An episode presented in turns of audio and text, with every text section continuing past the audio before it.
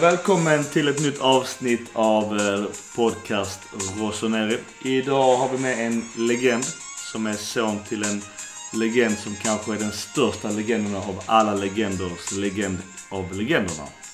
Smaka på den. Thomas, eh, för det första välkommen till podcast Rossoneri. Tack så mycket, det är mycket trevligt. Du, vi är många som saknar din enorma kunskap om eh, fotboll i TV-rutan. Vad gör du idag? Ja, jag tittar naturligtvis på fotboll. Jag tittar på allsvensk fotboll. Jag har nyss varit i Ryssland flera gånger och tittat på svenska landslaget. Jag följer med i Champions League så att eh, jag är nog eh, så gott ajour som jag kan vara. Du, eh, när du själv var spelare, du var en väldigt duktig spelare. Men jag tänkte med just din Milan-bakgrund med tanke på din far och att du sen gör en övergång till Juventus, även om du var utlånad till Anderlecht eh, av den, mycket av den Ja. tiden. Men, men hur mottogs det egentligen?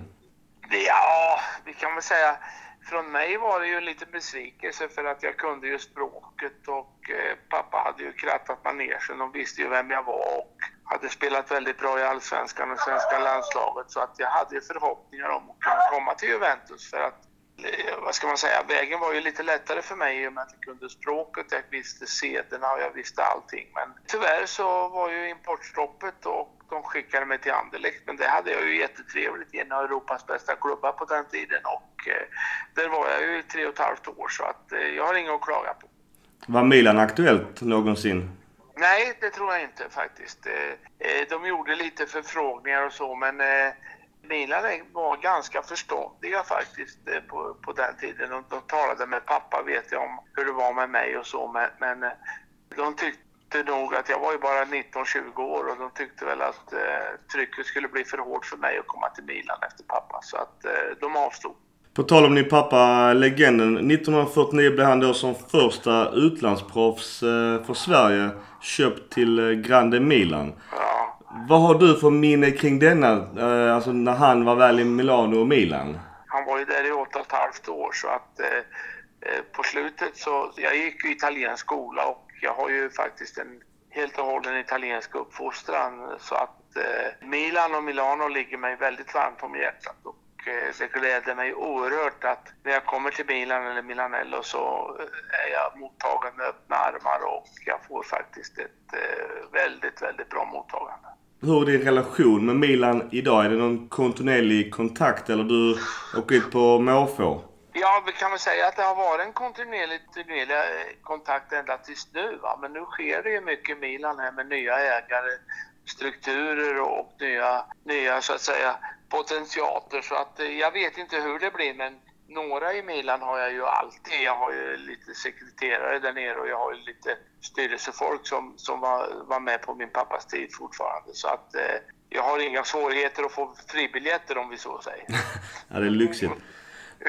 Men jag tänkte på, du som var själv inne på det, det har ju varit en ganska lång era med Berlusconi. Vad Har du någon åsikt eller tanke kring det slutet och vad som har hänt sedan dess?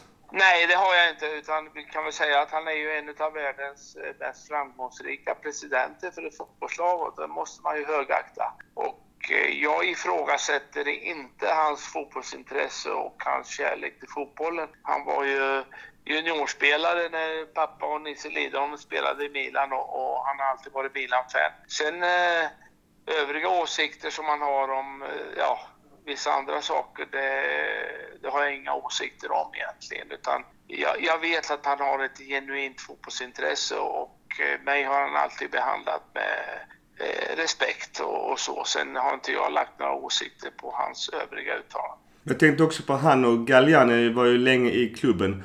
Har du någon personlig relation med dem?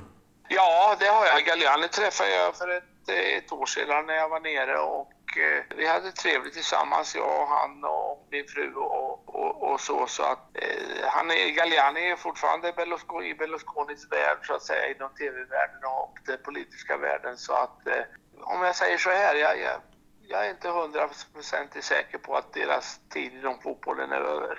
Nej. Ja, det är många konspirationsteorier att de kanske vill Ja. komma tillbaka. Ja, man, man vet aldrig. Jag- Jag vet att Berlusconi har en fruktansvärt stor kärlek till fotbollen och till AC Milan. Så att eh, vi får väl se. Jag tänkte på när, när, eh, när du var ung och, och din far spelade och så. Var det samma familjeanda redan där och då eller var det ungefär då det skapades? Nej, Milan har alltid, alltid varit en väldigt familjär klubb som tar, eh, tar hand om sina stora spelare och, de som kommer till klubben. Och det, det tror jag inte bara Grenoli och Jesper Blomqvist och Kurre Hamrin och de kan vittna om, utan det har det varit. Och de har varit fantastiska vid vissa tillfällen. Exempelvis när min pappa gick bort och, och de ordnade begravning och hemtransport och sådana saker. De, Milan är på det viset, eh, jag tror Zlatan har vittnat om detta många gånger också, att eh, Milan är, det är som att vara hemma. Ja, för det låter väldigt familjärt och det är som du själv säger, Zlatan och många andra spelare vill ju knappt lämna Milan för att det är så Nej. pass bra stämning där. Allt från eh, ja. all ledare till personalen. Ja, jag kan bara säga att det är alldeles utmärkt. Du, bara tillbaka till uh, din far. Han blev ju köpt för 75 000 kronor, vilket var väldigt mycket pengar på den tiden. Och sett till summorna idag, vi såg nu Ronaldo med flera som går för miljardbelopp. Vad tror du om, om dagens eh, karuseller? Tror du att det kan bli likt ett NHL-tak? Att det blir någonstans att det blir en kollaps? Äh, vi kan väl säga som så att jag var ju inbjuden till Milans 100-årsjubileum och, och, och vart inbjuden till Berlusconis bord faktiskt. Och, och, då sa han så här, titta där borta sa han, där sitter Papin och Bea och alla de här stora stjärnorna. Och, och så sa han så här, det är ju tur att inte din pappa och Nisse Lidom och Granoli spelade för då har vi inte haft råd att ha dem, sa han. de, de, de här tjänar på två månader vad de gjorde på sju, åtta år i Milan. Så att summorna är ju lite astronomiska men på den tiden fanns ju inte eh, tv-rättigheter och sponsning och eh, vad ska jag säga, tröjförsäljning och så på dessa sidor. Men jag kan ju berätta för dig att det gick ju tåg från Stockholm med 800-900 svenskar som skulle se på derbyt Milan-Inter på 50-talet. Och eh, det tog två och en halv till tre dagar för att komma ner till Milano. Så att det var ju lika stort då om man jämför så att säga möjlighet. Just eh, den tiden när Grenoli var verksamma i Milan. Alltså, hur stora var de i Sverige eller Europa? Alltså, vi som inte var, har någon ås, eller har åsikt om det.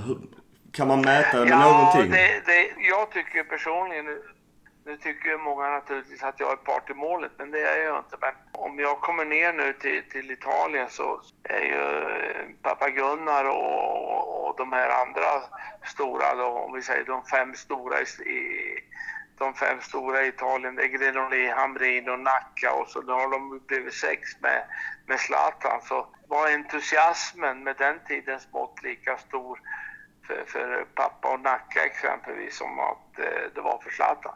Ja, det, det, ja, det säger ganska mycket. Ja, det, jag tycker det säger ganska mycket. Sen naturligtvis så förminskas ju det här med allt eftersom tiden går, men just under det tillfället så var det nog lika stort. För just Milan och Italien är ju ganska bra annars på att eh, respektera och vidhålla minnet av deras gamla legender. Ja, de är helt eh, suveräna, men jag tycker vi har blivit lite bättre i Sverige på det också här under sista tiden med lite idrottshistoriska sällskap och lite idrottsmuseum och sånt. Så vi får väl hoppas att vi också tar tillvara på våra gamla legender, inte bara inom fotbollen utan inom idrotten överhuvudtaget. Du var lite också inne på det här med, med TV-pengar och liknande. Eh, än så länge är det ju inte klart med något eh, TV-avtal för Sverige för Serie A. Men eh, vad, hade funnits någon möjlighet för dig att vara med i något eventuellt TV-program om Serie A? Ja, men jag finns ju tillgänglig så de, de, de vet ju var jag finns och det är bara att ringa i och för sig. Jag tycker kanske att det finns lite för många så kallade experter som i, egentligen bara läser vad tidningarna skriver utan man måste ju känna den italienska pulsen egentligen. Ja, men jag tänkte på att det hade gött haft en, någon form av webbsändning. Du, Marcus Birro och, och Husfeldt kanske. Ni är ju verkligen intresserade av fotboll och verkligen kunna väldigt mycket om det. Ja, det var en trevlig tid och, och eh, jag tror liksom att eh, det går inte bara liksom att läsa tidningar och reportage utan man måste vara i Italien ganska ofta, tala med taxichaufförer, bartendern, folket i barerna och fotbollen där för att liksom tränga in i, i själva djupet i den italienska fotbollssjälen. För att efter en svacka nu måste jag säga så jag tror de är på väg uppåt igen. Uno Cruz Due var ju ett enormt populärt program. Jag, jag såg det ju såklart varje helg. Men ja. vad hände med det programmet? Ja du, det får du fråga de berörda om. Det får du fråga Viasat och TV3 om. Och jag har ingen aning. Jag var ju över ja, 12-14 år var jag på, på, på, det och så sen, jag vet inte, det var väl rättigheterna som eh, såldes till någon annan kanal och eh, vi nyttjades inte då för vi var ju kontrakterade av en annan kanal. Så, att, eh, så var det. Men sen kommer jag tillbaka till Club Calcio då med, precis som du nämnde, med, med Jesper Husfeldt och Bero och dem. Och, och då körde vi ytterligare några år och det var ju jättetrevligt. Och, och ja, vi får se. Det kanske kommer igen. Jag hoppas Men verkligen vet, det. det är ju lite, det är lite åldersrasism också det här. Man, när man blir äldre så det kommer nya. Och det är också jättekonstigt med tanke på din bakgrund och ändå både vad, vad du själv gjort och även din far så har du ju extremt stor anknytning just till Serie A. Det borde man ju ta, ta fasta vid. Ja, det, det är inte till mig att bedöma utan det, det är ju andra. Men du i alla fall, du har ju själv också gjort eh, 15 landskamper. Eh, vad säger du om, om Sveriges insats i detta VMet? Jag tycker det har varit jättebra. De har gjort det jätteduktigt. Men den stora prestationen tycker jag var att ta sig till VM. Jättestora prestationer. Det tycker jag var jättebra. Och sen fullföljde man gruppspelet och det på ett mycket bra sätt. Men eh, det fattades lite eh, spets i vårt lag för att vi skulle kunna göra den här, i mitt tycke, riktiga succén. Men eh, vi har gjort det bra. Jag vill inte att någon missuppfattar mig här. Vi har gjort det jättebra med det materialet vi har. Du var själv inne på resan dit där vi även då slog ut Italien. Har, vad är reflektionerna i Italien kring detta utspel? De är ju jättesura naturligtvis och tycker det är orättvist och eh, hänvisar också till när vi slog ut dem i Portugal EM och vissa andra landskampsmatcher. Men eh, de har sig själva att skylla. De, de spelade bort chansen faktiskt, tycker jag, i ett tidigare skede. Du var tillbaks eh, just till, till Milan. Har, har du någon, eh, någon åsikt eller tanke hur, hur Milan kan återigen nå toppen av eh, fotbollsvärlden? Alltså fotbollsvärlden går ju i olika cyklar om om man liksom följer med, följer med som jag gör dagligen här. Jag läser fyra, fem utländska sporttidningar varje dag och har tv-kanaler överallt. Det går ju i olika cyklar. Milan kommer naturligtvis att komma tillbaka. Sen är ju frågan om hur lång tid tar det? Jag menar Milan tillsammans med Real Madrid och Barcelona är ju de mest framgångsrika klubbarna vad det gäller titlar och så i, i Europa. Va? Så att det är klart att de kommer tillbaka på ett eller annat sätt. Sen hur lång tid det tar, det är väl det som är den stora frågan. Just på tal om, om Serie A och att de är verkligen på gång igen. Juventus har ju tyvärr haft en väldigt bra session men vad, vad tror du Ronaldo-övergången som ändå är ett stort eko genererar till hela ligan? Ronaldo kommer att göra väldigt mycket, men jag tror kanske inte att han gör det där stora, stora hoppet att eh, Juventus kan vinna Champions League. De, de har naturligtvis en bättre möjlighet med Ronaldo och så, men det finns många andra lag och många andra bra spelare i, i olika länder och i olika lag. Så att eh, det räcker nog inte med att tro att Ronaldo löser allting. Utan eh, jag tror de kan få jobbigt ändå, men naturligtvis är det ett stort tillskott och en väldigt eh, PR-vinst för den italienska ligan. Just Milan som nu är lite i klorna på Uefa och har även nya ägare i Elliot. Hur tror du påverkar Milan om de inte får spela Euroleague på ett eller två år? Jag vill inte spekulera i det för att det kommer ju avgöras nu de närmaste 14 dagarna tror jag om jag följer italiensk press och italiensk TV på rätt vis. Så att eh, man kan ha olika åsikter om allt det här men, men låt oss avvakta och se här vad, vad, vad domen blir när det är fastslaget vad Milan kan lägga i potten. Gattuso har ju också en eh, egen legend i klubben som har tagit över klubben efter, eller tränarposten efter Montella. Va, vad tror du om honom respektive Montella som tränare? Jag vill inte jämföra de två. Jag tycker båda två har mycket att bevisa om man ska vara liksom i en toppklubb i Europa. Det är en sak, det är väldigt hög status naturligtvis att vara tränare för Milan, både för Montella och Gattuso. Men eh, det gäller att göra resultat också. Gattuso har ju en fruktansvärt bra energi och Eh, stort och så, men eh, hans tidigare tränarerfarenheter eh, har ju inte varit bara positivt. Ja, alla tränare prövas ju egentligen i, när det går emot lite grann. Va? Vi får väl se här när, när ligan börjar snart hur det blir. Ambitionen finns, eh, arbetsviljan finns hos Gattuso, det är jag helt övertygad om. Sen får vi se hur han klarar av det. Det är svårt att vara chef för en klubb som Milan. Det är mycket press, det är mycket tryck. Denna sommaren har ju också varit lite kaotisk, eh, likt den förra på ett annat sätt. Och då var det mycket med Donnarumma, vår unge målvakt, och då Ja. agenten. Va, vad har du för åsikter kring agenters betydelse idag i fotbollsvärlden kontra hur det var tidigare? Jag tycker att agenter är ett eh, elände. Ja, jag håller med dig. Sagt, rakt ut sagt, jag tycker det är ett elände. Vad gäller Donnarumma så, ja, ja, men de har ju en bra ersättare nu som har tagit från Napoli va. Så att får man ett bra pris för Donnarumma så tycker jag man ska släppa honom. Och vad tror du ett bra pris för honom? Det spekulerar sig till höger och vänster, det vet jag inte. Om de gör en plus Valenza som de säger i Italien så de har ju Reina, Pepe Reina nu och man får ju värdera skillnaden mellan Pepe Reina och Donnarumma se vad man kan få ut. Men jag skulle sälja Donnarumma.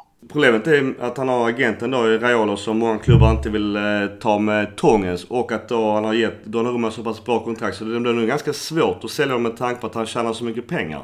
Det där brukar ju lösa sig till slut i alla fall. Man kommer överens. Men eh, vill han sitta på läktaren? Det, det beror ju på hur hårda Milan ja, orkar vara och vågar vara. Du, är det, har du någon annars någon, någon rolig historia från din tid eh, med din far? Milanello eller Milan eller din... Jag har många roliga historier, men det, då får vi göra ett nytt program. Jättegärna. Du, bara kort eh, en sista fråga Thomas. Eh, videogranskning är ju nytt i Italien, har varit igång ett år och även ut för VM. Vad är din åsikt kring videogranskning? Det är naturligtvis bra om det blir rättvisa bedömningar. Det, det tycker jag. Sen tycker jag kanske att det måste ske lite snabbare. Eh, man kanske måste ta upp lite regler. Hur många videogranskningar måste det vara per halvlek och per lag och, och så vidare. Och jag menar, det kan ju vara ett fel mitt på plan som är lika allvarligt som en straff. Eh, Det kan ju vara en avgörande passning mitt på planen som förhindras av en oschysthet och, och så. Det, är väl- det är väl det, det som är lite, men jag, jag tycker VAR är positivt för att desto rättvisare och bra bedömningar vi får desto bättre är det fotbollen. Och, eller rättare sagt, desto större trovärdighet får ju vi som håller på med det här. Hade du även velat se det i Allsvenskan? Ja, vi kan ju börja med att ha målkameror och så sen kan vi utveckla det. Du Thomas, stort tack för din tid och eh, spännande ord. Ja, och så säger vi väl alltid som så, Forza Milan. Forza Milan, ja absolut. Och stort tack och hälsa familjen. Det ska jag göra och ha en trevlig sommar. Du, tack detsamma. Och som jag sa Thomas, är det, vill du vara med i fortsättningen så är du alltid välkommen. Det, det skulle glädja mig att kunna medverka i det här. Jättegärna, du är alltid välkommen. Ja, tack. Stort tack och trevlig kväll och trevlig sommar. Tack. Tack så mycket. Ha det bra Thomas.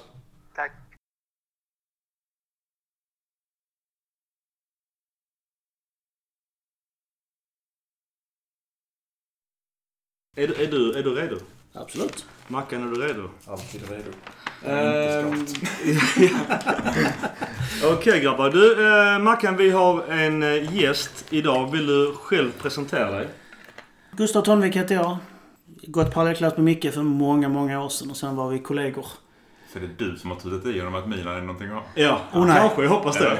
Ja, nej, nej. 1988 började jag hålla på Milan så att... eh, Vi har bara en grej innan vi eh, fortsätter. Om du nämner någonting om Istanbul kommer jag och Mackan misshandla dig på plats. Bara så du vet om det.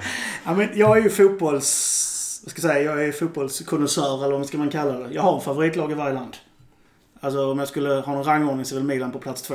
Du får inte säga Så ett. att- Så vi, vi Nej. låter det vara där. Precis. Ja, vi låter det vara där. Men jag tänkte vi, vi kastar in dig direkt i hetluften. Du har ju följt Milan och jag och Mackan har ju sagt redan vad vi tycker och tänker om fjolårets säsong. Vad har du för synpunkter och tankar kring förra året där vi slutade sexa till slut? Det är en väldigt märklig säsong och jag satte mig och gick igenom samtliga matcher under förra säsongen och spelare och laguppställningar och så här. Att laget byggdes under Montella känner jag för en 5-3-2 uppställning, märkligt nog. Sett hur spelarna var. Det känns som Bonucci ville ha det så av någon konstig. Ja. Men, och det, och det roliga är att matcherna kan gå bra, men så fort det kommer en förlust så föll det tillbaks till den här uppställningen. Och det föll tillbaka och det föll tillbaka. Och det var ju först när Gattuso kom in och började då med en 4-5-1. Det som alla andra kallar 4-3-3, men jag tycker man använder man yttrarna på det viset så är det en 4-5-1. Men det är min personliga Fair åsikt. Ja.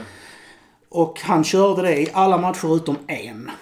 Bene- Benevento hemma, för då spelade han en 4-4-2 och förlorade med 0-1. ja, vad fan gjorde han det för då? Jäkligt bra fråga. Han har spelat oavgjort mot eh, tre raka oavgjorda, så han ville kanske försöka få lite offensiv. Man har gjort två mål på tre matcher. Är ju inte så imponerande. Var det inte en, om jag inte missminner mig så var det om det var skada eller avstängning som gjorde att han var tvungen att laborera lite just den matchen också. Det kan ju stämma, ja. Det, det är ju intressant när man ser det så på papper. Och det värsta är den dippen där. Det var ju när vi ändå hade häng på den jävla fjärdeplatsen. Så det var ju usel timing också att dippa där. Och mot ganska dåliga lag. Ja, Benevento är väl det är kanske. En poäng av sex möjliga mot dem. ja. Ja, det är illa. Det är illa. Vad har du med att säga? Eh, sen så var det väldigt märkligt med transferna tyckte jag förra säsongen. Man har ett lag som faktiskt är ganska bra balanserat men det saknar offensiva spelare. Inte på anfallspositionen, för det fanns det. Men har man ett lag med en, en yt, offensiv ytter, naturlig, naturlig position. Ingen, alltså på högern. Ingen, off, ingen naturlig på vänstern. Och till det så värvar man det som egentligen saknades. Vi har två, hade två målvakter, värvade en. Antonio Donnarumma. Mm, bror. Ja, ja det, det kan man kanske köpa. Men Vi, att, vi gör inte det, men jag, jag fattar Ja, vad men- Vi, det blev tyvärr så. han kostade en miljon pund. Det kändes... Ja. En miljon pund för mycket, men fair enough. Sen har man två högerbackar av bra kvalitet tycker jag. Mycket bra. Och ändå värvar man in en tredje. Och den... Menar du att Abate är bra Jaha, jag, jag Nej. tänkte fel. Ja, ja, förlåt. Jag menade Calabria och Conte. Ja, jag, jag, ja, jag, jag menar att man har, man, har, man har en bra, Ja. lovande som räknas som ett europeiskt superlöfte. Man har en rutinerad som kan backa upp, som kan gå in och täcka. Ändå lägger man 21 miljoner pund på att få in ytterligare en högerback. Ja. Som är bra och lovande och kan gå framåt. Alltså, borde inte de pengarna kunna investeras bättre? Fair enough. Mittbackarna stärktes upp rätt. Centrala mittfältarna, fyra centrala, in en till. Men att värva in tre anfallare. Och det är där som du verkligen fick det att tolka som att det är en 3-5-2 han ville spela. Och de anfallarna som kom in att lägga 50, nästan 60 miljoner pund på det. När det saknas defensiva mittfältare, när det saknas offensiva yttrar. Och här tror jag vi har stora anledning till att det blev de här dipparna för att så fort någon var skadad så fanns det ingen naturlig position som kunde gå in och täcka. Borini. Han fick täcka allt. Och Borini är jag fruktansvärt och glatt överraskad över. Jag är så- Vi kommer ihåg hur han spelade innan. Fördelen med Borini, alltså när jag såg Borini när han gick till England första gången så kände jag att den här killen kan bli hur bra som helst. Så fick han inte chansen och det är tillfälligheter och det är skador och det är det ena med det tolfte. Men att, att kunna gå in och spela yt, bägge ytterbacksplatserna, bägge ytterplatserna, anfallsplatsen. Det ger ju en eh, En enorm flexibilitet. Absolut. Men det, jag håller med dig totalt i, i din analys där. Och det är väl rätt... Jag tror att de som kritiserat Transfer redan tidigt i fjol sa ju det att de högg på allt. Och hade ingen plan bakom det. Och det stämmer ju. Speciellt eftersom de förmodligen ändrade hela spelupplägget på grund av Bonucci. Alltså de, de, de klockrena värvningen var ju Rodriguez. En toppvänsterback. Kessie naturligtvis. Men det, vänsterbackspositionen har ju varit lidande länge. ja. Sen Malini i princip. I princip. Ja, sa Serginho. Ja, Serginho. Ja, Serginho. Ja. Jag, vet inte, jag tyckte Serginho hade, alltså gick, varierade väldigt mycket kvalitet.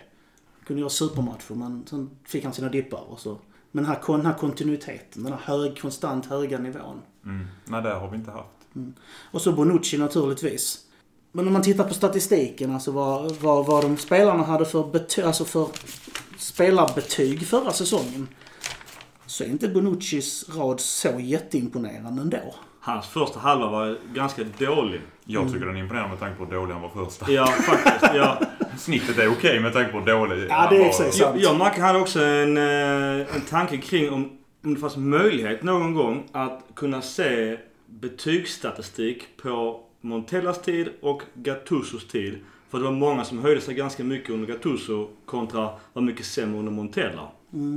Jag bara tog fram statistik på hur, vilka, hur vinsterna, i vilken, i vilken uppställning vinsterna kom under vilken tränare. Och vad säger de? Den säger ganska tydligt att 4-5-1 med rakt mittfält, ingen defensiv balansspelare. Som, som Gattuso spelade alla matcher utom två. Gav ju 12 segrar, 8 oavgjorda, 2 förluster. 4-4-2 han en förlust och han hade, en 5-4-1 variant med två defensiva mittfältare i hans första match. Just Den gav det en- den gav oavgjord. eh, Vågar han nog inte byta spelsystem direkt kändes Nej precis, för den hade ju nämligen, det var samma uppställning som eh, Montella hade laborerat med i slutet då. Han hade en 3-6-1, en 4-5-4-1 och ja. Han laborerar rätt friskt kan vi väl Ja. Lugnt konstaterat. Ja, ja, nej, alltså det, det, det är bara skutta. Men Gattuso gav en stabilitet och jag, jag gillar tränare som vågar hålla på sin idé. Man tweakar den lite, man trixar den lite. Men man vänjer laget vid någonting. Och detta då, får vi då tillägga att han fick inte in en enda spelare i något fönster som han så att säga ville ha. Nej. Utan han tog ju det han fick och gjorde det så pass mycket bättre. Ja, precis. Mourinho sa faktiskt idag efter matchen mot United i borta USA att han kanske var också en tjo och tjim på, på eh, sidlinjen men efter matchen eh, för att man hade ju väldigt kul på plan.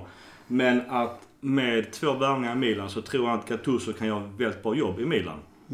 Just för att han har en kontinuitet och en tydlighet som vi bölade om hela säsongen. Montella bara, att alla bara flaxar runt. Det fanns ingen struktur alls på, på, på spelet och då blir det ju skit av det. Helt rätt. Sen ser man ganska tydligt att laget inte mådde bra. Jag menar 56 mål på 38 matcher. 1,48 mål per match. Ja, det är inte okej. Bästa målskytt gör 10 mål och det är Cotrone. Sen, sen har Bonaventura på 8. Sen två spelare på 6 mål, sen 5 och sen är det ett helt gäng på 2 och 1. Men räknar du med Kalinic självmål där? Jag vet faktiskt inte riktigt. Men alltså den bästa poänggöraren gjorde 13 poäng och det var Hakan. 6 mål, 7 assist. Ja. Men förutom det så är det ju... Ja, Sosu hade samma statistik. Det offensiva var ju uppenbarligen den stora akilleshälen.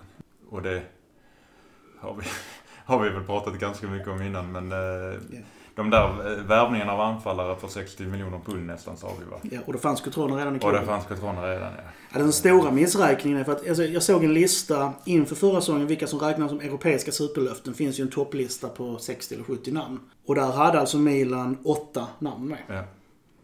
Ta dem. Eh, Donnarumma, Cotrone, Calabria, Kessi, Suso, André Silva, Romagnoli och Locatelli. Alltså, Milan har ett intressant läge. Problemet är att Milan är en sån klubb som inte kan göra alltså en rebuild phase, så att säga. Eller vad ska man kalla det? Ta en off-säsong, ge alla de här jättemycket speltid. Har vi inte haft fem off-säsonger redan? Jo, men en, det, det är samma sak som alla, alla storklubbar. Att, att, att dra tillbaka ambitionerna ett år, det funkar inte här stor, sån här stor klubb. Nej, det fansen köper ju inte det såklart. Nej. Eh, Men hade man gjort det så hade det kunnat ge snabba resultat. Nu får man ju låna ut smart och jobba. Men den stora besvikelsen är André Silva som var ju ett superlöfte när han kom. Absolut. Vi Och hade höga mål. förväntningar på honom. Eh, Eller två mål. Mm. Det enda som höjde hans eh, betyg hos oss, det var ju att han, hans två mål gjorde att vi vann de två matcherna. Ja. Jag satte till när och sa att han skulle kunna göra 20 baljor redan första året. Och jag minns hans eh, premiär mot Betis i en träningsmatch där han gör sitt straffmål. Jag Ett enkelt mål och nu är han igång. Men jag, så jag vet inte, han och Montella. Men som sagt, resultatet är ändå detsamma. Han var en stor besvikelse och det var 40 miljoner euro åt helvete stort sett. Mm. Men jag håller med. De- här spelarna som du säger är någonting som man mycket väl kan bygga ett framtida storlag med. Mm. Och jag vet nu att Elliot har varit klok och sagt att, att eh, Lucatelli, han är off market. Ja, det, det vore det stör, de största vansinne. Alltså där är det nya Ambrosini Pirlo. Ja. Om man ser på spel, speluppfattning. Ja, Jag tycker han är, jag tycker man ska, de här tycker jag man ska satsa på definitivt. Mm. Sen får vi se om Suso kvar. Jag ser han som en förlorad eftersom hans klausul har nu gått ut så nu kommer vi nu få ännu mer pengar än de här 38 miljoner eurona. Nu verkar till och med Real Madrid vilja köpa in honom och då blir det kanske ännu mer pengar. Men, men han ser jag som förlorad. Förhoppningsvis inte. För alltså, det saknas redan offensiva mittfält. Alltså offensiva yttrar. Vi har ju letat efter en, vice eftersom han hade spelat så mycket och när han inte... Han fick ju en dipp i våras. Mm. Och som tur var så tog ju Hackan över då och, och höjde sig.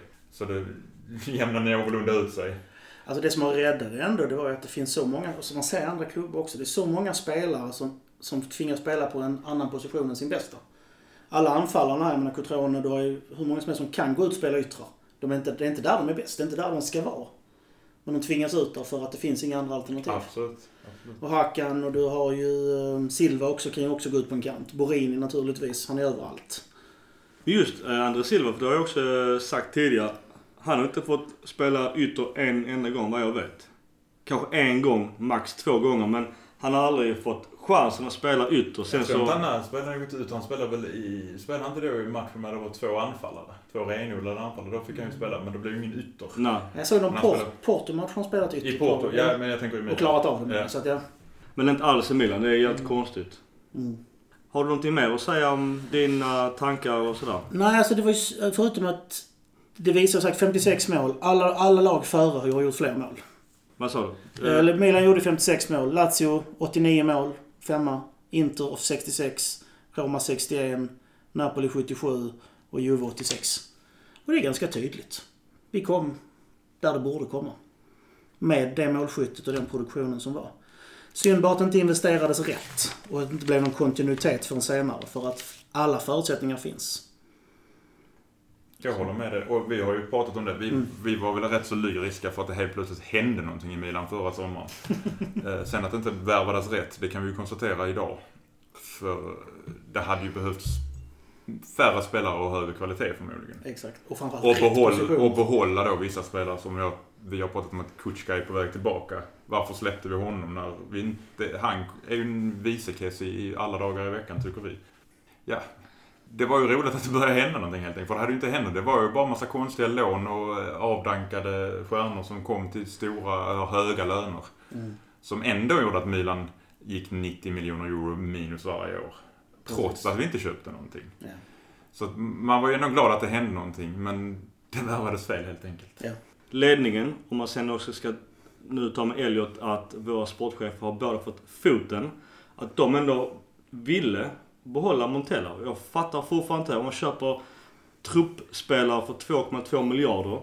Men behåller en sjukt dålig tränare som inte lyckats någonstans egentligen. Jag tror han fick förlängt på grund av att han lyckades knipa Europa League-platsen.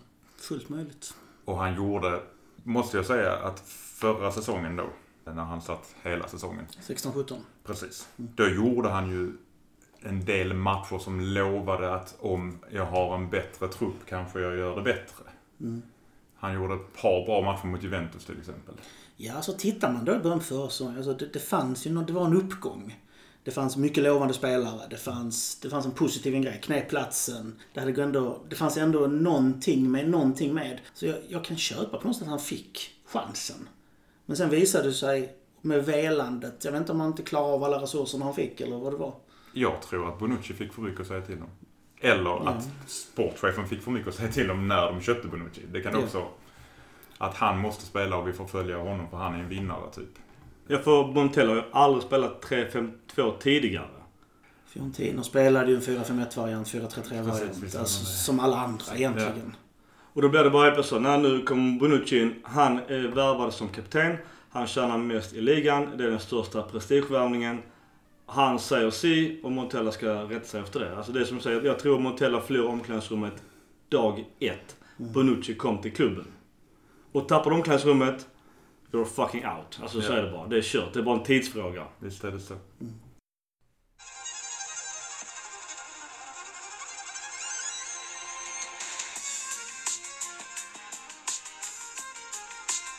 Eh, Gustav, det är den sista grejen med statistiken. Annars? Ja, en väldigt imponerande siffra är faktiskt att trots, alltså vi hade väldigt dålig utdelning, men det var ändå alltså 16,1 skott per, på mål per match. Under, sett under förra säsongen. Och det är extremt högt om man tittar på hur, hur lag som vinner brukar ha. Då är frågan så, är vi... Är våra anfallare så dåliga eller är vi bra på att skapa ganska okej lägen? Alltså poängen är att mittfältet var ju stabilt. Centrala mittfältet visste vad de gjorde, men det fanns ingen leverans uppåt. Och finns det ingen leverans till yttrar, anfallare som kan förvalta det och vända upp det där uppe. Så blir det skott utifrån. Det blir skott ur märkliga situationer. Det blir skott av, från spelare som inte riktigt är där. Och det, det var ju det som jag kände var den stora grejen. Det fanns en grund, men var, vi var inte där. Vi har ingen bomber där inne. Nej. Och det är därför, ja det kommer vi in på sen, men vissa anfallare det pratas om som skulle kunna garantera att de här, de här möjligheterna och chanserna faktiskt resulterar i mål. Ska vi... Vi kan bara vända blad. Anfallsväg. Hjärtaget tar... eh, Vi dricker faktiskt vatten idag. Det är, ingen alkohol idag. Anfallsväg. Det är ju jävla massa rykten nu om anfallare. Vi pratar Morata. Vi pratar Higuain. Till och med Benzema pratas det om. Immobile är vi väldigt tyst om. Vad, vad säger ni om anfallsväg? Vem vill ni ha? Vad, vad, vad, vad, vad vill du ha? Vem vill du ha till Milan av dessa fyra? Av de fyra. Ja. Vi glömde nämna Falcao som fortfarande är på tapeten. Så det är ju Just fem. Det. Falcao är den femte. Eh, allting handlar väl lite... Alltså vad- Elliot vill lägga, lägga ut för pengar och vilken eh, horisont, tidshorisont de har på att få tillbaka pengarna. Vill du ha någon som levererar direkt så är du Higuain. Vill du ha något att bygga på som kan gå på båda håll är det Morata för han vet vi inte hur mycket han kan. Falcao, eh, om du ska ha en billig lösning, förmodligen någon form av lånedeal med Silva. Som eh, kostar inte han oss någonting och man kanske får tillbaka Silva om han kommer igång. Det kan vara en bra lösning. Själv hade jag nog helst sett en 50 miljoner kronors värvning eh, i Mobile. Han gjorde bra i fjol i Lazio såklart, så det, det tar inte bort honom. Men jag tror att han klarar av en större klubb som Milan än han får räknas vara. Du menar 50 miljoner pund va? Ja, Ja. inte kronor. Eller euro. Euro. Euro, kör jag. Ja, Ja. Det, det är några kronor billigare. Ja. Men alltså där. För jag tycker... Av det som det ryktas mest om så skulle jag lätt välja Higuain. För jag vet att han gör mål. Han har haft jag bäst läste- målsnitt sen han kom till Serie A. Det jag också läste just med Higuain, det är att han någonstans har accepterat att gå ner i lön. Att han kan tänka sig 7 miljoner euro per år i Milan. Och tydligen kan Milan på någon jävla vänster matcha denna lönen. Om det sen är möjligt eller inte, det vet fan. Men, Jag tror att det delvis beror på att de gör sig av med Bonuccis lön. för då är det kvittar det ju. Ja. Bonuccis lön och Higuain. Higuain. Och Higuain vill stanna i Italien. Mm. Gustav, vad säger du? Vem vill du ha? Alltså det som behövs är, det finns en Cutrone som har börjat leverera, som kommer leverera. Han behöver någon som kan leda vägen. Laget behöver någon rutinerad. Någon som man vet är målgaranti i princip. Vi pratar alltså om 25 målsskytt på en säsong. 20-25 mål. Det hade tagit upp på en fjärde plats. Och då är det de här spelarna vi pratar om. Och egentligen tillgängligt på marknaden som står för det just nu är det nog egentligen bara två stycken. Och det är Higuain och Benzema. Morata, inte i nuläget. Han är, har inte den rutinen, han har inte den erfarenheten, han har inte den stabiliteten. Han är bra, han gör mycket mål. Men det är inte det, är inte det som behövs. Känner jag. Som du är inne på, Higuain, Benzema-alternativet, men... Just Benzema, det känns som det är lite väl långt steg att gå från Champions League-vinnare ner tyvärr till Milan. Och jag vet ju att det var ett jävla massa Twitter-tjafs med eh, Agenterna. i agenterna och Benzema. Och Benzema skrattar åt det. Jag kan väl köpa att han skrattar åt det. Han vill kanske följa med Ronaldo men inte fan går han då till Milan. Då går man i så fall med honom till Juventus. Så kan man till och med ersätta Higuain. Uh, jag, jag hade också velat se... Vad fan, det är svårt. Men Higuain gör ju mål. Alltså han, han levererar alltid. Jag är förvånad att Madrid ens släppte honom. Men det hände mycket i Real när Ronaldo bestämde sig för att gå in och börja spela central anfallare. Ja, då försvann Higuain. Benzema hamnade på bänken och Higuain åkte. Ja. Morata, alltså det var ju... Jag vill inte ha Benzema för övrigt. Rakt ut säger jag det. Jag vet inte hur han ska passa in för att det, jag är också inne på det. Cotrone, som jag också sagt tidigare, han är en wonder-kid om man ser på managerspelet. Och han har gjort 10 mål sin, sin första säsong. Han är milanista. Han ska Milan satsa på. Såklart. Sen är frågan bara så, vem av dem vill gå till Milan? Och då är det nog egentligen bara Immobile och Higuain. Alltså Immobile är bra, men jag tror så som truppen ser ut och hur spelsystemet är, så jag känner inte att han är rätt. Alltså han är mer en tunn ytter. Han är ingen straffområdesspelare. Han är en, ska jag säga, offensiv planhalvespelare. Vad jag Ja, känner... Han rör under rätt mycket på planen. Det har du Exakt. i. Han har inte den här target player Nej. på det sättet. Och det är det jag känner behövs. Någon, någon, någon som är i boxen levererar. En van Nistelrooy typ, om ni förstår vad jag är ute efter. Ronaldo, någon som är där, får bollen och det bara smäller. Immobile springer, han rör sig, han skapar ytor. Men i nuläget är inte det som behövs, så det finns det andra som gör. Ja, vi håller med. Om jag, om jag, om jag Ja. får välja rakt upp och så hade jag tagit Higuain. Men Jag är helt med på den också. Om man bara tänker fotboll så ska man inte tänka ekonomi. Och då säger jag Higuain. Precis. Men om man tänker ekonomi då? Vem, vem säljer mest tröjor? Vem är mest Av de fem. kommers? Immobile. En italienare.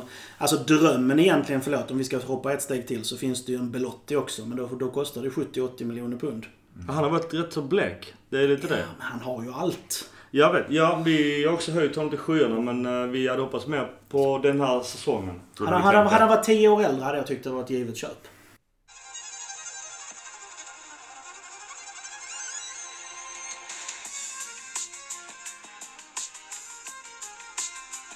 Som vi sa sist, sist Mackan. Euroleague lite kanske hängde på hela säsongen. Vi Euroleague, vad har mer hänt? Det stora som har hänt är ju egentligen att Elliot har tagit över klubben. Och lyckades eh, vid överklagan hos CAS så helt enkelt få eh, Milans straff sänkt. De tyckte att det var för hårt straff. Det kommer någon form av straff och det är ju tillbaka skickat till Uefa som de då ska ta ett beslut om. Antar att det blir eh, lite böter. Kanske inte så lite heller, men böter antar jag. Jag frågade flugan... Värvningsförbud finns en möjlighet också, läste jag någonstans. Mm. De har ju det i straffsatsen. Precis. Sådana saker. Det finns till och med alltså, poängavdrag, det finns massa sådana grejer. Men nu ska det väl oftast väldigt mycket till. Men, Precis. men det stora grejen det här har medfört det är att vi ligger ju en månad efter all transfer. Precis. Och det är den stora grejen. Vi missat att kunna hugga på spelare som Nangoland, Stefan de Vries. Hur många spelare som helst som har gått för kaffepengar. Som inte haft pengar att kunna vara med och hugga på. Och det kan vi också bekräfta på tal om transfer. Båda sportcheferna Mirabelli och Fasone är out. Och in är Leonardo, vår gamla räv. Vad säger Älskad det? eller Ja. hatad? Ja, jag älskar honom. Han är nog mer hatad än älskad men Milan gör i alla fall ett stort välkomnande till Leonardo. Men vad ska de göra? Men Leonardo går ändå in och börjar kötta så att jag, jag tror ändå att hans expertis kan göra någonting med vår silly season sommar. Alltså Elliot har ju bytt ut i princip allting som, som eh, Li Lee tillsatte i ledningsväg. Förutom Gattuso, än så länge. Det kommer vi till sen, om, om han nu ska försvinna eller inte. Just, men vad var här med, med CAS, eller som heter TAS i eh, Frankrike. Eh, och där sa en fluga på väggen att Elio gick, gick in och sa Hallå era fuckers. Vi kan vända på alla stenar och då kommer ni få massa skit. Ge oss Euroleague annars kommer vi slakta er. Förmodligen var det så. Jag gissar att det tog en kvart för Elliot och deras advokater att gå in och slakta dem. För de vet att man bråkar inte med Elliot. Punkt slut. Du och jag var jätterädda innan att det värsta som skulle hända det är ju om Elliot som köttar länder går in och tar över Milan. För då kommer vi kanske stycka upp det, sälja allt och alla. Men då har det kommit fram att de verkar ha i alla fall minst treårsplan för Milan innan de sen huttar det kanske. Man ska inte lita på en, eh, en hedgefond. För kommer rätt bud så kommer de ju förmodligen sälja innan. Så får vi väl säga. Sen tror att de gör rätt för sin egen skull också. För att fixa till ekonomin så att vi inte går minus varje år. Se till så att man får Champions League-plats. Eh, kanske till och med lyckas knipa en, eh, en Serie A-titel.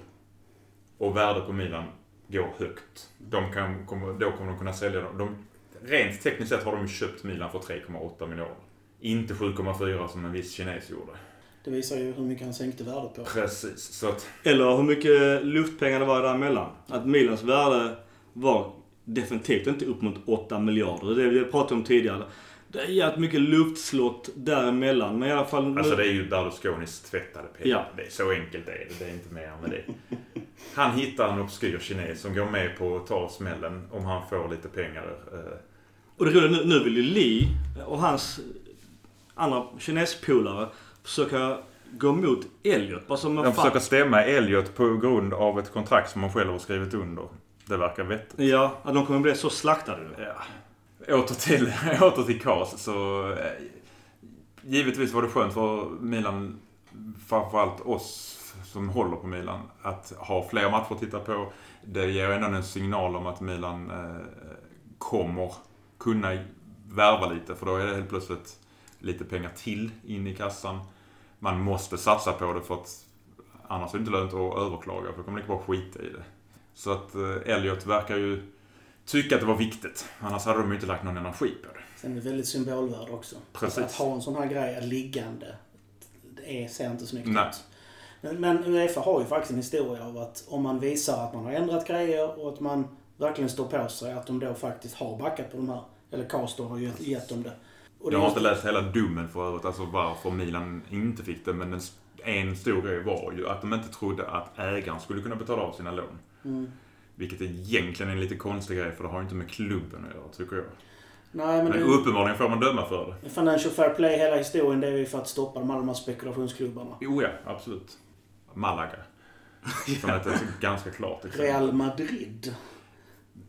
Om, om vi faktiskt ska dra det till Jo, sist. men det kommer aldrig hända ju. Det är Nej, det. nej, nej, nej. Det är det som är så synd. Det är samma som, jag såg, jag, jag snackade med någon på, på, på Milan Eyes som också är grymt på, på nyheter på Facebook. Det var någon, någon chatt där. Och där var det massor som började böla om att- Milan då fick sin Euroleague-plats. Så börjar man, vadå? Va, vad ska man säga då om Paris Saint-Germain och City? Där finns ju många klubbar som har rätt mycket mer smuts i sin mjölpåse än vad vi hade. Ekonomiskt sett i alla fall. Alltså den enda klubben som verkligen har fått på tafsen, det är ju Juve. Om vi ska titta historiskt. Jo men det var ju internt. Ja, ja, ja, ja. Men alltså... Det var ju inte Uefa som slaktade dem utan det var ju Det italienska har ju varit, alltså, visst var det någon ge att Uefa fick till att både Barca och Real fick värvningsförbud. Sen så satt de ju på trupper som de behövde ju inte värva någon förmodligen. Eh, City fick väl också rätt mycket i böter. Sen betyder det ingenting för City kanske. Nej. PSG fick väl också rätt mycket böter om jag inte minns fel. Men det betyder inte heller någonting för den ägaren. Jag ser fram emot Elliot att de kan se till så att vi har en sund ekonomi. För att, eh, för att ha en sund ekonomi måste du vinna någonting. Ja. Om man ska säga någonting positivt om Uefa så var att de ändå gav ett jävligt snabbt beslut vilket ändå ger Milan och Leonardo med flera en chans ändå som du sa att hitta spelare in. Den stora fördelen med det här lilla stoppet är att vi inte högg på allt som såg bra ut i VM. Mm. För det har ju hänt många gånger att man köper en VM-spelare och sen är de kass i klubblaget efter.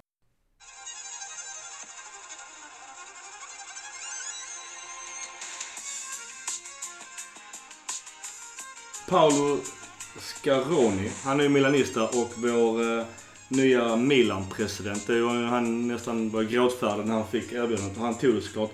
Men annars i ledningen, det är my- mycket nytt folk in. Vi behöver inte dra alla, det, alla kan googla det. Men Vi kan väl också lägga till att han köpte lite Milan-aktier precis innan Berlusconi sålde hela. så han är ju Som ganska den här committed. tvättade grejen. Ja. eh, Få en lite mer. Mera, mera monopolpengar. där alltså. För, eh, men det roliga med Elliot är faktiskt att de har tagit in, i princip alla har någon form av länk till Milan historiskt. Och nu gör de ju allt, tydligen säger de i alla fall, att även få in Maldini i klubben. Vilket känns som en självklarhet. Men det gäller bara att hitta en roll och det är väl det som är det svåra. Eftersom Leonardo har ju tagit den här rollen. Sen har ju de högg ju någon från Arsenal och det är väldigt kompetent folk som är inne i klubben och vilket ändå gör att det finns en viss förhoppning att det kan bli bra. Ja. Men i alla fall, min poäng var lite att eh, det är fortfarande oklarheter kring eh, ledningen och ner ledningen på bänken, det vill säga Gattuso och Elliot han verkar vilja någonstans diskutera i alla fall Conte. Vad, vad säger vi om det? Conte, då är det... Då, då vill man ha resultat nu. Det är en bra, alltså det är en stabil coach. Han vet vad han vill. Och han kan gå in och köra direkt. Kör man på Gattuso, då säger man vi vill ha en ligatitel om 3 till 5 år. Alltså för att det är ett lång, längre projekt. Även om man har börjat jättebra. Så frågan är om man är där nu. Det ultimata som jag känner är att ta in Conte, sätta Gattuso som assisterande. Om han köper den rollen. Men det är mycket stolthet, man vet aldrig. Jag har också varit inne på det. Vad säger du Mackan? Vi har pratat om det innan. Var, vad gör du med en, en tränare som inte har gjort bort sig, men du har en bättre tränare på gång? Vi har redan sågat ett antal legender som, i tränarrollen för att de egentligen inte hade någonting att göra på den bänken från början, för de hade ingen erfarenhet. Jag håller med dig i din analys. Vill du ha resultat nästa säsong är Conte mycket bättre. Eh, Men jag tycker det är jobbigt att förstöra fler legender. Frågan är fortfarande om en Conte redan detta året, eller kanske till och med nästa år, kan ändå ge oss en ligatitel. Eller om han då levererar, men det ska fortfarande rätt mycket spelare in. Det enda jag kan tänka mig är att om ultrasen inte gillar Leonardo, vad tycker de om Conte? Conte är ju jättejuventino så det känns ju jättekonstigt. Nu har Och han ju varit iväg på andra uppdrag såklart. förvisso.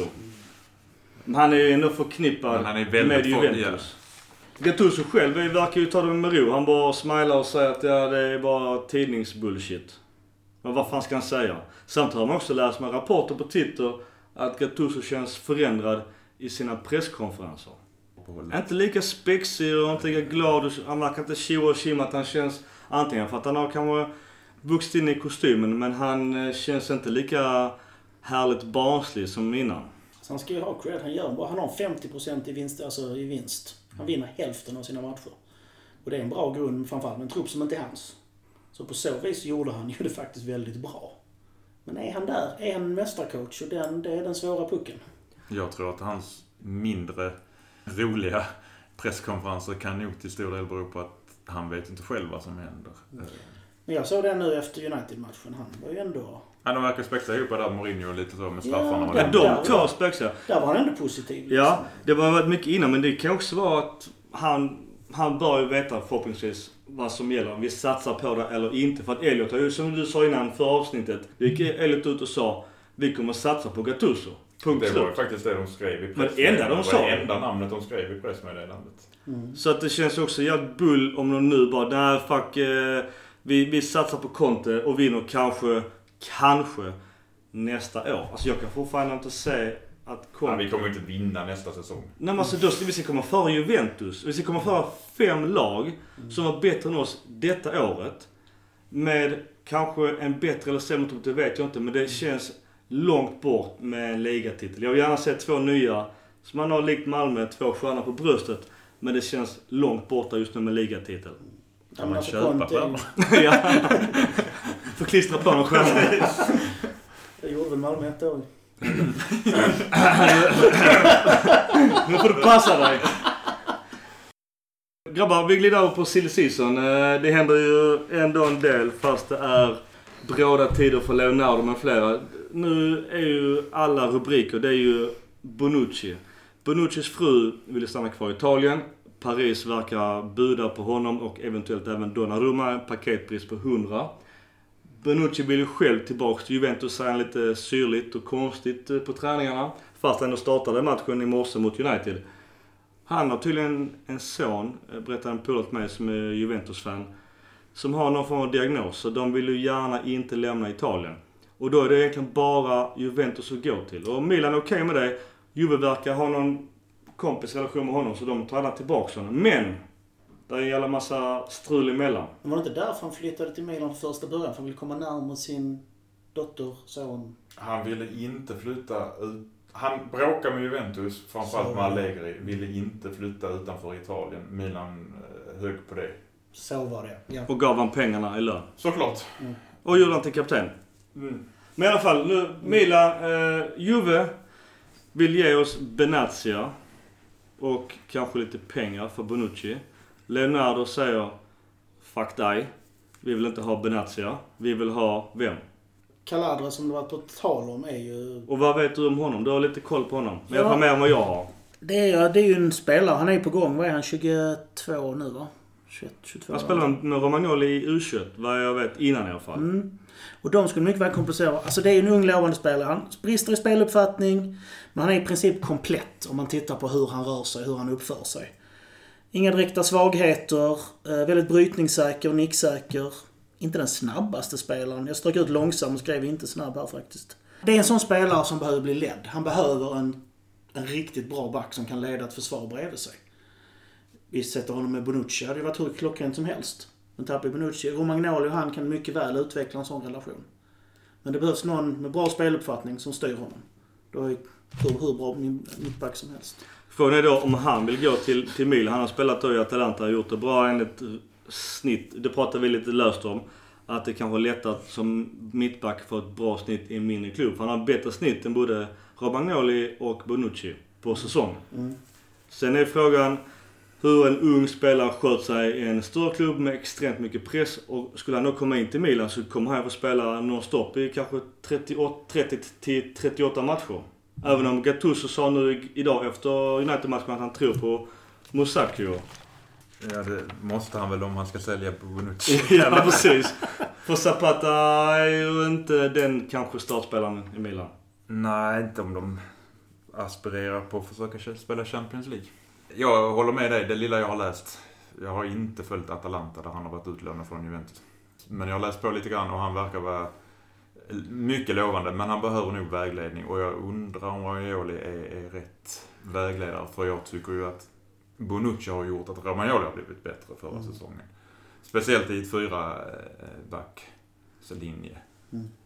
Uppenbarligen så tror Juventus på honom med tanke på att de värderar honom högre än vad de värderar Bonucci. De vill ha pengar emellan. Jag förstår tanken på att han är så mycket yngre. Men han har ju inte bevisat någonting som Bonucci har. Så jag tycker tvärtom. Helt ärligt, jag tycker... Vad, vad köpte vi Romagnoli på? 25 miljoner? 25-30 där någonstans. Ja. Någonstans ligger det på. Jag tror klausulen var upp till kan han 30. vara högre. Romagnoli, Transfermarkt värderar honom till 25 miljoner euro. Jag skulle kunna lägga på 10.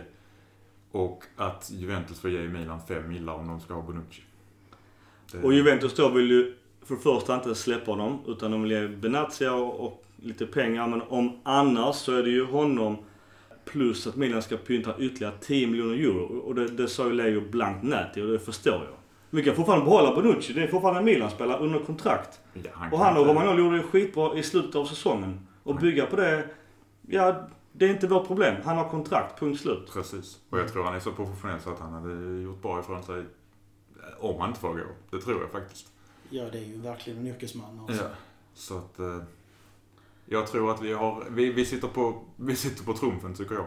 Och det vet ju Leo. Och Mm. Leo är ju ingen som man skojar bort. Han sitter med, han har ju inte 2-7 på handen. Han har SS. Precis. Och Om inget annat så kommer han alltid spela att han har SS.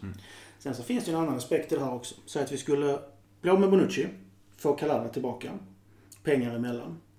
Bara lönesänkningen, alltså Bonucci tjänar alltså över en miljon pund i månaden. Caladra kommer att ligga på 200-300 tusen pund i månaden i jämförelse.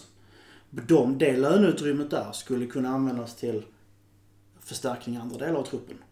Så att görs det, även om vi kanske blir lite sämre i backlinjen, så kan det ge en helt annan effekt någon annanstans.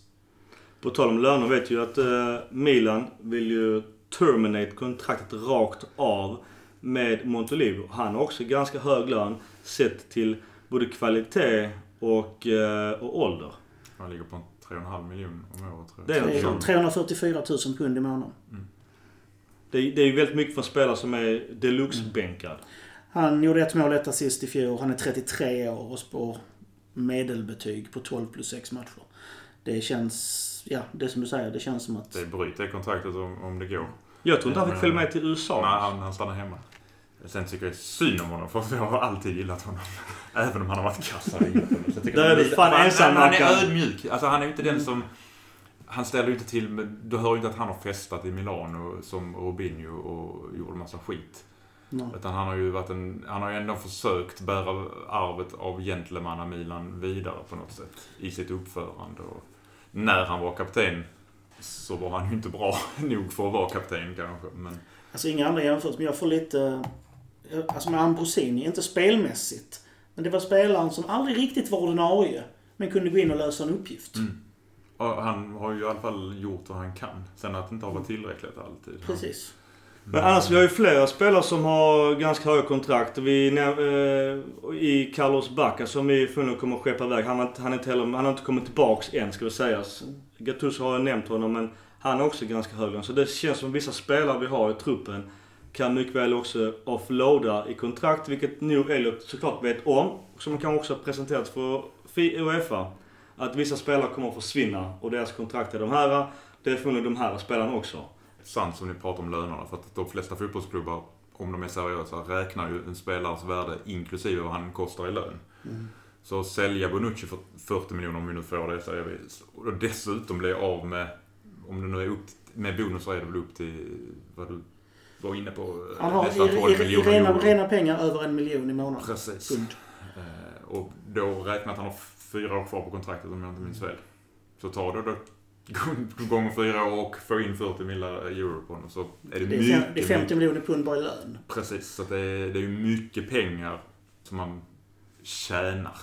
Det är lite också därför jag tillbaks till Higuain är förvånad men jag vill hugga på det. Visst, det är ju ett säkert kort som jag var inne på. Men då, då, då tar man bort de pengarna och ersätter dem med exakt samma pengar fast en annan spelartyp. En kvalitet från längst ner till längst upp. Bredden finns i försvarslinjen. Potentialen finns i försvarslinjen.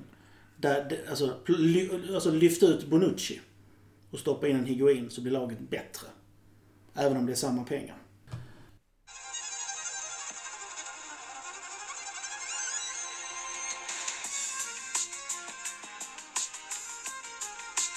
Men du Macandin Montolivo, han verkar vara på väg ut. Och in ersättare en annan milanista. Du pratade om Badej, men det sista jag hörde idag var att han skulle gå till Lazio. Jag har också snackat om Zenit. Eh, Det är jättekonstigt. Om man nu går till Zenit för pengarna, då köper jag.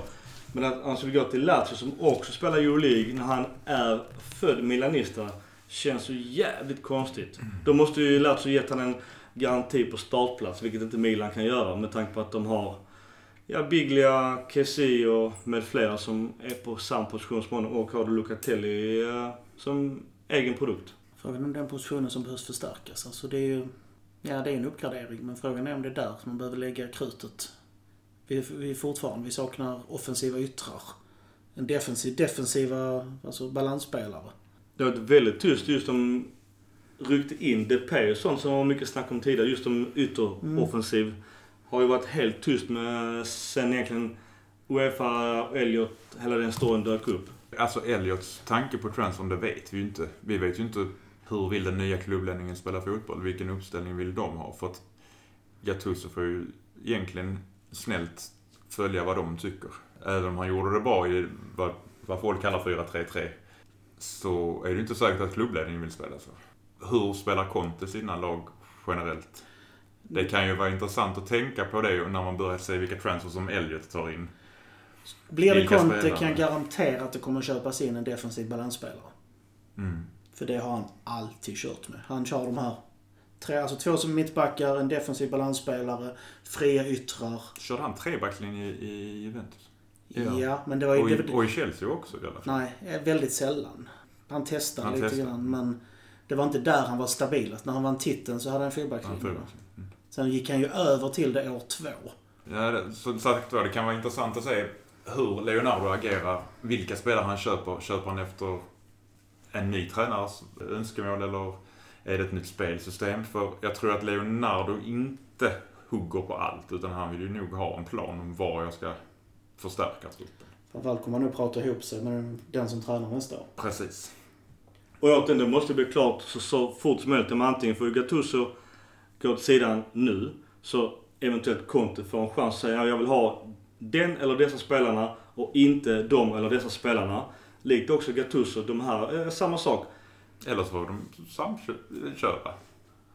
Gattuso, du får fan, om, om du ska, om du ska få vara kvar så får du lyssna på Conte helt enkelt. Kommer du ihåg när Berlusconi gick in och skulle styra hur laget skulle spela? Ja, det gjorde han ju alldeles för mycket. Ja, och då gick det inte bra. Men det var ändå att han gjorde också mot en tränare som Ancelotti som ändå har så sjukt mycket skinn på näsan. När Gattuso, han har ju mycket grinta men att han hade ju nog varit tvungen att kuva sig om Berlusconi hade sagt detta till honom. Ja, såklart. Men det är intressant ändå, frågan är fortfarande vad Elliot skulle säga med den här lösningen och vad Conte och Gattuso själva hade sagt om man leker med tanken i silly season. Conte är någonstans en huvudtränare, eller att de delar på det helt enkelt. Bara rakt av delar på det och vi diskuterar fram alla, alla lösningar. Och sen är de kanske helt olika som tränare. Och även taktiskt sett. Sen får du inte glömma stoltheten. Ja. Hur kommer Gattuso ta att bli knuffad snett, snett neråt eller åt sidan eller hur man nu ska säga. Ja. Gå tillbaka och bli Primavera-tränare. Ja, de har ju bränt honom. Absolut. Jag tror att hade han tänkt på det nyktert så tror jag han hade mått bra av att gå som assisterande bakom Conte. Såklart. Ett, två år. Såklart. Och jag tror det hade kunnat ge honom en enorm kick framåt. Han sa själv idag också på presskonferensen att jag är faktiskt bara typ 40 bast. Jag är fortfarande helt ny egentligen i tränaryrket. Hade han då gått haft Conte som mentor ett, två år. Som du säger, på lång sikt hade det kunnat bli en ny Diego Simone för Milan. Grabbar, en sista grej innan eh, det rinner iväg för mycket tid. Vår nya målvakt som gjorde några straffräddningar i morse mot eh, United, Pepe Reina. Jättebra målvakt, men han kom som bossman och vi kanske gör vad då? Vad händer? Det finns, det finns rykten om att Chelsea är sugen på honom. Framförallt om de säljer Courtois till, till Real. Då behåller vi ju Donnarumma. Det ryktades om 8 miljoner euro för en spelare som kom gratis för tre veckor sedan. Ganska bra deal. Jag vet att Sarri har ju sagt att han... Sarri Hellre- gillar ju honom. Så Sarri har haft honom och gillar honom. Han säger ju till och med lite som Peak också. Nej men han är mycket bättre med fötterna än Donnarumma. Och det är svårt att säga emot honom för Pepe Reina, han är ju fantastisk fotbollsspelare med fötterna. Och hans straff mot United var den bästa av dem alla. Fy fan han lekte med han eh, skitstöriga målvakten i United. Jag vet inte vad han hette men han var jävligt bull. såg du den live i natt? Nej, för jag såg den i morse. Jag drog igång den Ja. när jag gick och jobbade sen. Jag såg inte Nej, jag såg den i morse. Vad säger du Gustav? Reina? Alltså det är bra. Det är en gammal Liverpool-målvakt. Absolut. Det var du som nämnde det. inte Ja, jag. jag kom på det nu. jag klipper bort det sen. jag klipper bort det. Och vadå, skulle prata om Istanbul nu? Alltså, vi fick revansch två år senare så säger jag ingenting. Nej men alltså det är ju en klockren målvakt. Alltså, jag gillar Reinar skarpt. Bra målvakt även om han...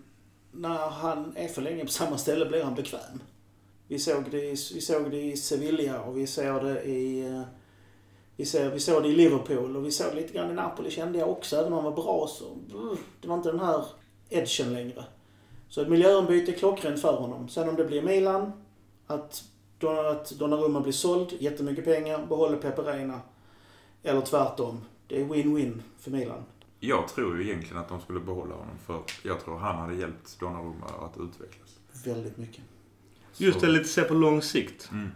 Det kostar ju att ha två etablerade målvakter. Såklart. Men jag tror att det kan bli...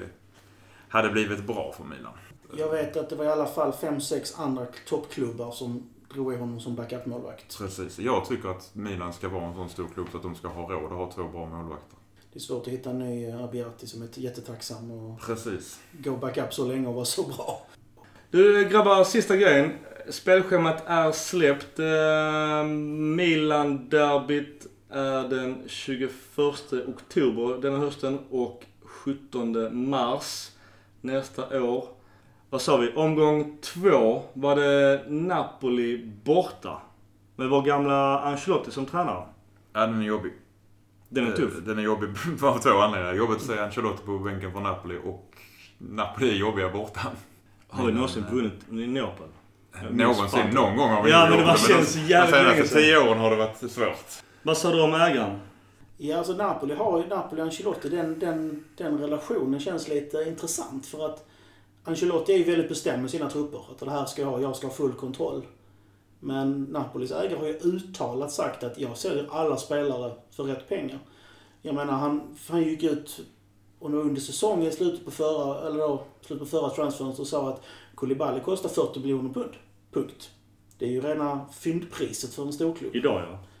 Frågan är hur Ancelotti reagerar om han börjar sälja av spelare. Det kan- Ancelotti har ju som sagt var en eh, historia av att hantera eh, ägare kanske som är Mm. lite excentriska. Eh, Vem tänker du på nu? Eh, Abramovic kanske i Chelsea. Nej, Det där, också. fick där fick han kicken. Men eh, det, det, det ska bli kul att se. Han har ju ändå lovordat Gattuso innan, innan han gick tillbaka till Italien. tycker många legender har ändå lovordat Gattuso. Just därför känns det tufft att typ ändå peta honom. Ja, absolut. Men som sagt, har 50% i vinststatistik första, här, första säsongen med någon annans trupp. Det, det är inte många som har det. Nej, jag, som sagt jag vill, någonstans vill jag att vi behåller honom. Precis, jag är helt med på den också. Jag också, så vi är överens där. Men i alla fall, 19 augusti börjar Milan mot Genoa och då drar hela faderullan igång. Och eh, det är svårt att tippa placering nu, så vi får vänta med till något avsnitt längre bort. Du Gustav, du är gäst i idag. Har du eh, något att säga? Du får sista ordet. Ja, jättekul att vara här. Det är kul att träffa dig igen och roligt att prata Milan. Det var jävligt tråkigt att ha det här. Eh, Tycker om dig också. eh, Mackan, har du någonting att säga? Visst brukar vi inte försöka avsluta med något positivt? Ja, vad fan ska vi säga om Ma- Har du någonting positivt att säga? Att projektet Milan ser intressant ut. Väldigt intressant ut. Med ett par värvningar så blir det i alla fall topp 3, topp 4. Mackan? Rätt värvningar. Jag tycker faktiskt också, mer nyktert tittar vi nog på eh, den här transfersäsongen än förra. Då vi bara jublade. Det ser spännande ut. Jag med. Och det ser spännande ut just för att Elliot ändå har gett en positiv vibb att de inte vill slänga klubben i sjön. Utan de någonstans vill ju satsa. Sen vet vi alla att det är en hedgefond. Alltså om en- någon kommer in, ger klubben ett titlar, så det kan vara Donald Trump eller Kim Jong-Un, jag bryr mig inte vilket. Vinner klubben så är det något positivt. Resultatet räknas. Ja, Så är det. Då är det positivt. titlar är allt. Titlar räknas, tre poäng räknas. Sista ordet. Forza Milan. Och så-